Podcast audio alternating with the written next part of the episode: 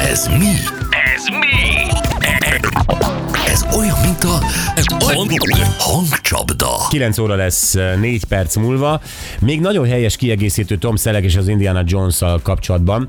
Valaki írja, Tom Selleck azt mondta, hogy ő vele nem lett volna ilyen sikeres az Indiana Jones. De oh. helyes, hogy ezzel nyugtatja magát évtizedek óta. Hát mondunk valamit, de. Valamivel menekülni kell. De ez persze. egy, ez egy elismerés Harrison Ford felé, hogy ö, Persze. Hát gondolom a pszichiátere tanácsolta neki, hogy ezt mantrázza. Figyelj, Tom, lehet, hogy beleőrültél, de nyilvánosan csak azt mond. Ja, Istenem. Na, öm, Judit van a vonalban. Hello, Judit, szia. Sziasztok, szép napot! Neked is, sziasztok. jó reggelt. Figyú, egy valamit tudok neked segíteni rögtön az elején. Ö, Rögtön, amikor bejátszottuk a hangot, akkor ö, millió SMS rázúdult ide a monitorunkra, és abból majdnem mindenki Zoltán Erikát írta, és ez nem jó. Aha. Ezt tudom segítségként. Váratlanul ért Judit, Ah. ugye? Hát, Baj, bajban van. Nagyon, nagyon, nagyon. Nagyon váratlanul Nagyon, ért. teljesen. Igen, igen, teljesen olyan volt a hangja, mint az Oltán Erikán. Ezért így van. Ő egy Zoltán Erika imitátor, tulajdonképpen nem. De, de megmutatom még egyszer, jó? Hát ha Nem vállalta el végül az Zoltán Erika. mehet, jó? Mehet, Judit?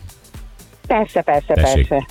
Nem vagy rává szül egy reménység az legalább a média tudatálnak, és ezért mény, amikor tanyatosabb, egy nagyon font kulasz, ez a remítom, akaratos szem, média tudalább is font. Egyébként teljesen elképzelhető Zoltán Erikának, nem ő. Más Hát valaki, akkor és sajnos nem lesz sapcím. nem lesz sapcid, és nem zenei műfajban van ő otthon, Mhm. sokkal inkább ugye a... Interjúkat készít. Na. Na. Tévében láthattad. Ó, Oh. most már sokat? Igen. Úristen, és három kutyája van. Azt nem tudom, van-e kutyája. És a kutyás... Mm, hát gyerekek, ez nem lenne. Nem, nem híres a kutyásságáról, ha van titokban van három. Nem, Nem, nem, nem nem akkor megy? abszolút nem megy. Akkor- Nem, nem, Ah, ah, Judit, nem, na- teljesen ráizgultam A Zoltán, Zoltán Erikára. Erikára mi? Igen. Hát figyelj, a Hát nem vagy legtöbben. egyedül. A legtöbben erre izgultak rá, de, de nem ő. Sajnálom, viszont megtartjuk akkor holnapra.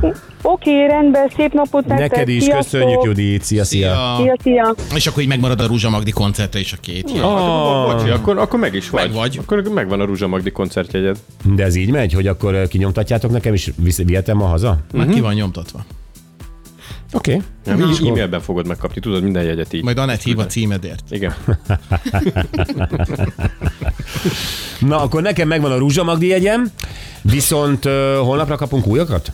Bizony. És az mellettem fog ülni, aki holnap nyeri? Így van. Úgyhogy akkor én nyerek. Jövünk Vokcival.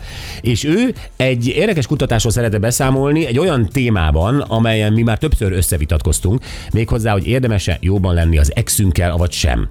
És itt különböző álláspontok vannak. Vokci azt mondja, hogy ő ő magában annyira nem érintett ebben, hiszen ugye óvodában ismerte meg Ildikót, és azóta a felesége. Nem tudja mi az, hogy ex. Nem tudja, hogy mi az, hogy ex, így van. Tudománya segítségére van, elmélyült a témában, és hát azt is tudja, hogy te nagy exekkel barátkozó vagy. Igen. Úgyhogy... Hú, jut eszembe, tudod, mivel fogom felbosszantani? No. A lányának az exeivel.